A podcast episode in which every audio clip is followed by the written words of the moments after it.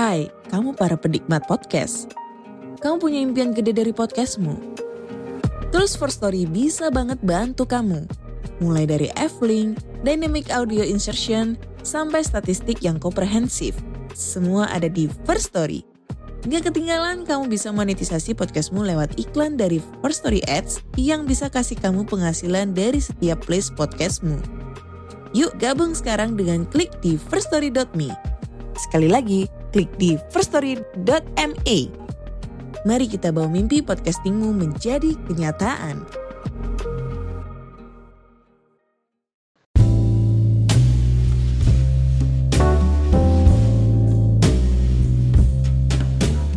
Halo, balik lagi di sebuah podcast filsafat. Halo semua, halo halo. Telat banget gak sih kita? Telat apanya? Ya masa baru di episode ke-30 ini kita ngomongin Aristoteles Secara dia itu bisa dibilang big three filsuf Yunani kuno Dan kamu baru baru mulai bahas dia sekarang.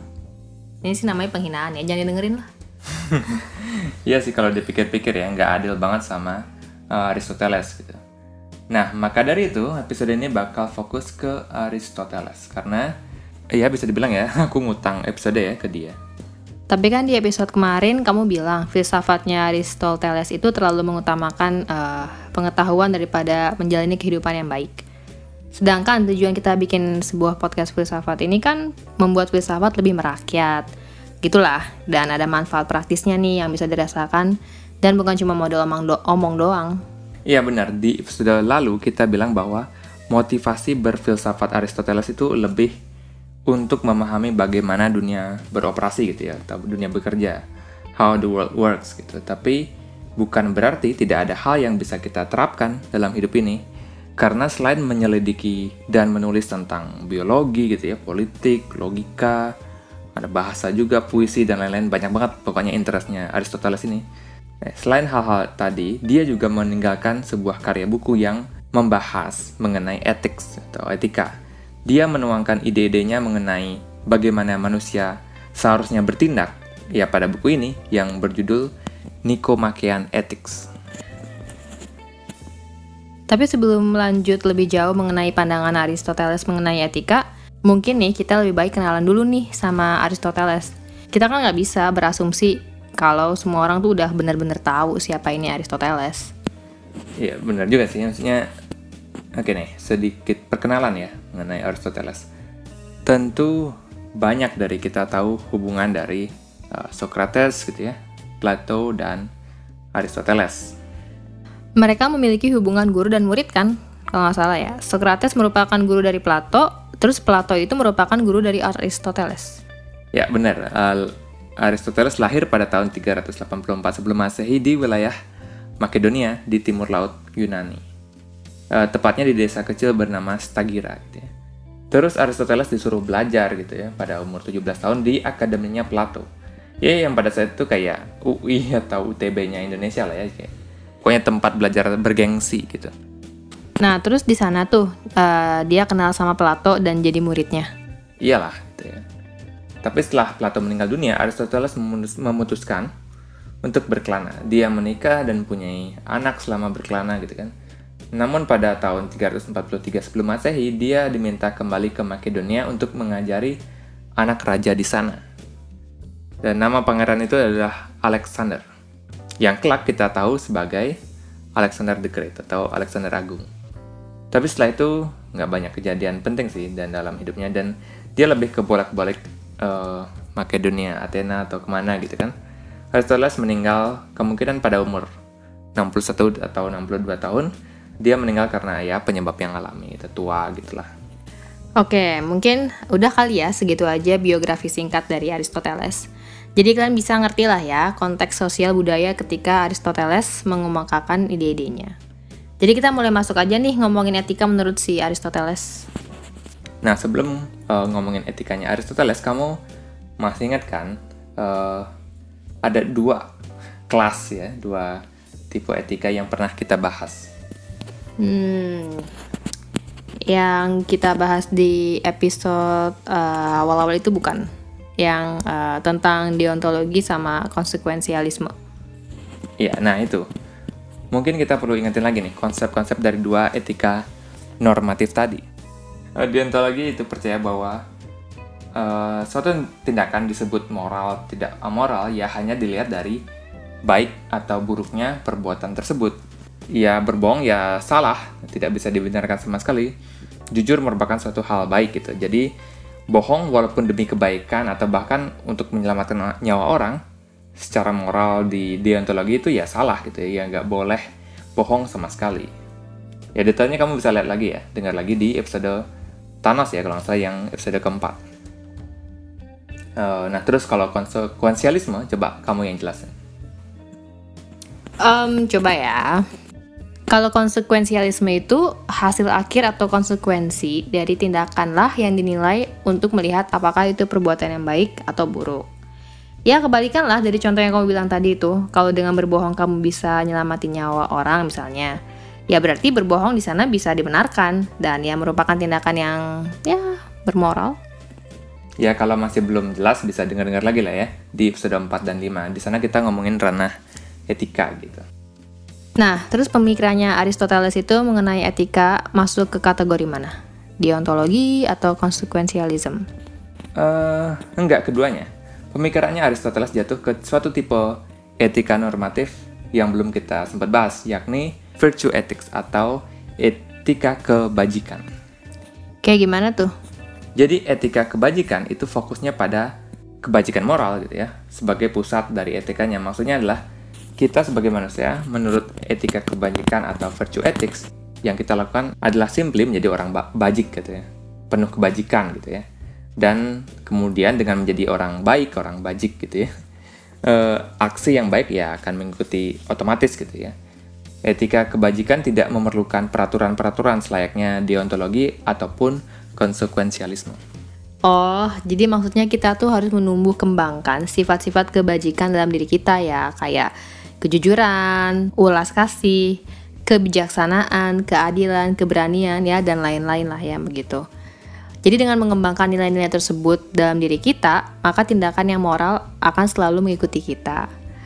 Nah, tapi kenapa Aristoteles ini lebih condong ke virtue ethics daripada jenis etika normatif lainnya? Untuk memahami pemikiran Aristoteles mengenai hal ini, kita harus melihat sedikit gitu ya pemikiran metafisikanya Aristoteles. Uh, dia percaya bahwa semua hal mempunyai yang dia sebut sebagai telos gitu, atau akhir atau bisa juga diterjemahkan sebagai tujuan atau purpose. Nah, contoh nih biar dapat gambaran yang uh, dimaksud Aristoteles. Kayak contohnya mungkin pisau gitu. Sebagus-bagusnya pisau terbuat dari besi yang berkualitas paling bagus gitu dan juga gagangnya terbuat dari kayu langka misalnya tapi kalau tumpul dan nggak bisa dipakai motong, ya itu gag dia gagal gitu menjadi pisau gitu. Dia tidak mampu mencapai tujuan kenapa dia ada, mencap gagal mencapai telosnya gitu. Berarti manusia pun harus mengejar tujuan. Tapi apa telosnya manusia? Tujuan kita hidup dunia ini apa gitu? Jawabannya adalah eudaimonia. Hah? Hahaha ya Uh, iya, eudaimonia gitu ya. Itulah tujuan yang manusia harus capai. Eudaimonia sering diterjemahkan menjadi kebahagiaan gitu ya, kesejahteraan, welfare gitu kan. Atau bisa juga hidup yang baik atau to live well. Tapi gimana Aristoteles itu tahu kalau eudaimonia? Eudaimonia. Eudaimonia adalah tujuan kita hidup sebagai manusia. Bukannya itu cuma asumsinya aja ya. Bisa aja kan enggak. Bisa aja kalau hidup ini nggak ada maknanya ya antara kamu nihilisme atau menganggap hidup ini nggak ada maknanya atau jadi eksistensialis aja. Ya karena hidup ini nggak ada makna ya jadi kamu bebas buat makna untuk hidupmu sendiri atau tujuanmu sendiri gitu. Jadi kenapa harus eudaimonia?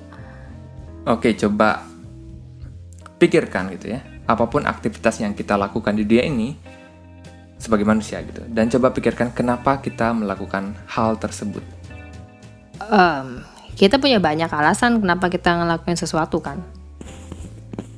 Nah, biar kamu paham, coba aku tanya kamu sesuatu ya. Nah, mungkin uh, sederhananya, kenapa kamu kerja? Ya, nggak kerja nggak makan.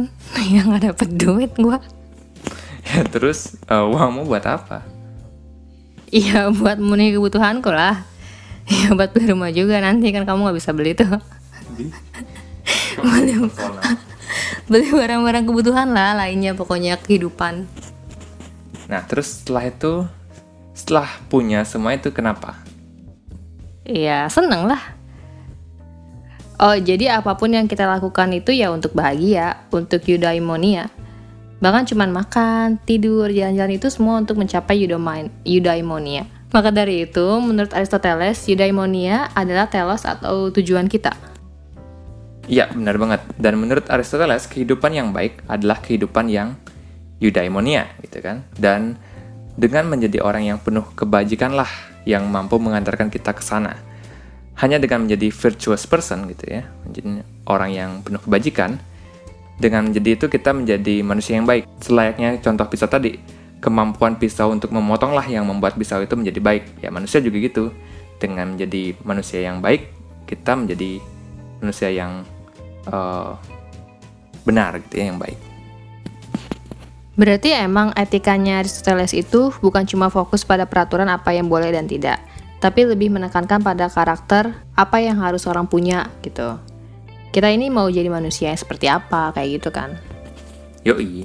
Maka dari itu kita harus selalu menumbuh kembangkan dan meningkatkan kebajikan-kebajikan dalam diri kita. Dengan melakukan itu kita akan menjadi bahagia. Iya, tapi kebajikan macam apa? Ya emang etikanya nggak berlandaskan peraturan. Tapi kalau aku nggak tahu kebajikan seperti apa yang dia maksud, ya jadinya kan bingung harus apa. Jadi gini, Aristoteles mengatakan ada 11 karakteristik orang yang bajik gitu ya, atau orang baik yang kita kenal dan kita puji jika dimiliki orang. Uh, yakni ada 11 nih, ada keberanian, ada kesederhanaan, kedermawanan, kemegahan, uh, kemurahan hati, ambisi yang tepat, kejujuran, uh, kecerdasan dan eh sorry belum dan ya. Keramahan keramahan sorry. Kesopanan kemarahan yang benar. Ya mungkin nggak perlu diapelin juga ya. ya intinya sifat-sifat yang baik gitu loh ya. Banyak juga sih karakteristiknya ya uh, dari kebajikan yang perlu kita tahu. Ya tapi menurut Aristoteles kebajikan-kebajikan tadi tidak hanya boleh untuk diketahui tapi juga harus dilakukan dan dilatih. Ya kayak yang Pierre Hadot bilang ya di episode lalu Bijaksana berarti bukan hanya mengetahui, tapi menjadi, gitu ya. Maka dari itu Aristoteles menekankan pentingnya practical wisdom ya. Jadi nilai-nilai kebajikan tadi bukan cuma dipahami tapi dipraktekkan dalam kehidupan kalian sehari-hari. Karena dengan sering melakukan tindakan uh, kebajikan gitu, meskipun awalnya terasa berat gitu ya, lama-lama kita akan terbiasa dan melakukannya tanpa effort yang besar gitu. Ya sama kayak ngangkat beban di gym gitu lah ya awal-awalnya berat ya untuk ngangkat 20 kilo misalnya. Tapi jika dilakukan cukup sering gitu ya dan disiplin, ya lama-lama juga bakal terasa enteng gitu. Jadi penting ya untuk membuat kebajikan itu menjadi kebiasaan gitu kan. Karena seingatku nih, memang Aristoteles itu mengatakan, we are what we repeatedly do. Excellence then is not an act, but a habit. Kita adalah apa yang kita lakukan berulang kali. Keunggulan maka bukanlah suatu tindakan, tapi kebiasaan. Kayak pepatah lah. Ya emang itu pepatahnya. ya bener banget gitu. Aristoteles memang melihat kita sebagai habitual creature gitu ya. Apa ya makhluk kebiasaan gitu ya. Uh, dan dengar menyad dan dengan menyadari hal ini akan membuat kita melihat sesuatu yang berbeda pada diri kita. Jika kamu dulu punya achievement yang gede gitu ya, ataupun uh, punya kebiasaan baik, tapi kalau kamu sekarang gitu nggak pernah buat achievement baru lagi gitu ya, udah malas-malesan gitu tidur doang, apakah kamu benar-benar orang yang sama dengan yang dulu gitu ya? Dan itu juga berlaku sebaliknya gitu untuk melihat uh, the positive side gitu kan. Jika kamu jika kamu pernah melakukan banyak kesalahan dalam hidupmu, memilih uh, pilihan yang salah, kebiasaan yang buruk gitu. Tapi selama sebulan ke depan kamu berhenti melakukan kebiasaan buruk tersebut dan memulai kebiasaan baru yang baik, ya kamu sudah bertransformasi ya menjadi manusia yang baru gitu ya. ya aku aja udah dua minggu lebih kayak nggak pernah olahraga dan aku kayak tuh apa benci banget sama diriku nggak usah curhat dong Oke nih, jadi udah mulai jelas ya konsep etikanya Aristoteles. Tapi entah kenapa ya, masih merasa ragu gitu dalam bertindak. Apa yang ia maksud menjadi berani, menjadi sederhana, atau dermawan? Ya berani yang kayak apa, sederhananya itu kayak gimana? Ya emang harus diakui kalau kelemahan dari virtue ethics adalah sangat vague gitu ya, sangat apa buram gitu ya, abu-abu kurang jelas. apa yang Aristoteles maksud dan bisa saja orang salah interpretasi gitu ya. Berani dikira ketika kita melihat orang dipalak preman kita langsung lawan gitu ya, kita hadapi tanpa pikir uh, tanpa mikirin gitu apakah orang itu membawa senjata atau enggak. Jadinya kebajikan ini sangat subjektif gitu. Maka dari itu Aristoteles mengajarkan doctrine of the mean. Apa ya? Doktrin titik tengah kali ya. Terjemahannya aku juga nggak tahu. Uh, biasanya dikenal juga sebagai golden mean titik tengah keemasan mungkin ya terjemahannya. Hmm, maksudnya gimana tuh? Uh, golden mean maksudnya adalah virtue atau kebajikan terletak di antara dua keburukan gitu biasanya atau vice. Nah, ambil contoh keberanian misalnya. Keberanian adalah titik tengah di antara pengecut ya orang yang tidak berani mengambil tindakan dan ceroboh orang yang terlalu sembrono gitu. Jadi mungkin kayak contohmu tadi tuh ngelihat orang yang lagi dipalak Keberanian di sana seharusnya berarti jika seumpamanya kita orang yang jago bela diri nih, dan yakin bisa menang nih, ya udah kita tolong. Tapi kalau kita nggak yakin kita bisa menang nih, keberanian itu berarti kita langsung menghubungi pihak yang berwajib ya, satpam kayak atau polisi kayak. Jadi tidak pengecut aja juga tidak ceroboh gitu. Itulah keberanian. Iya benar banget. Contoh lain misalnya kedermawanan.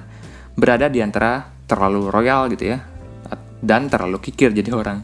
Kamu tidak boleh terlalu boros sok-sokan traktir teman gitu ya biar namamu keren. Tapi nggak boleh pelit juga kalau ada teman yang kesusahan misalnya.